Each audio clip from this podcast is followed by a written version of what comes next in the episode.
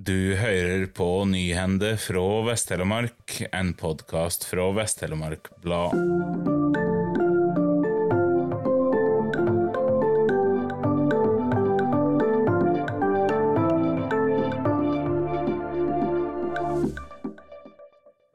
Det er fremdeles ikke klart hvem som blir den neste ordføreren i Kviteseid.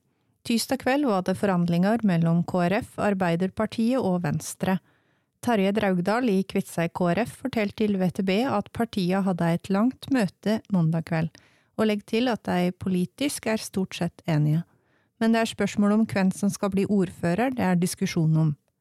Draugdal sa tirsdag morgen til VTB at om ikke Arbeiderpartiet ombestemmer seg i løpet av dagen, går de til Senterpartiet. Ordførerkandidat for Senterpartiet i Kviteseid, Dordi Ren Fosse Didriksen, stadfester at de har fått invitasjon til sonderinger fra begge sider, og legger til at det er hver de får mest gjennomslag for sin politikk som vil være avgjørende for forhandlingsutvalget fra Senterpartiet.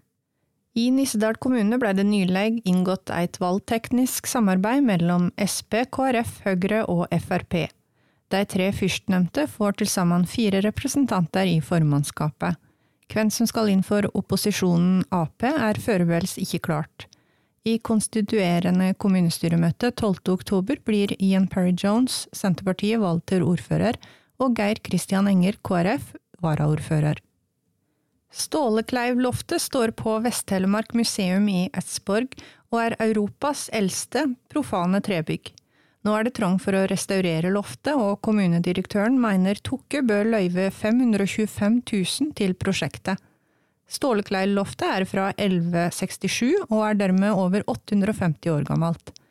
I lang tid har det vært trang for vedlikehold, og Vest-Telemark museum mener trolig at bygget har forfallet mer de siste 150 åra enn de 700 foregående.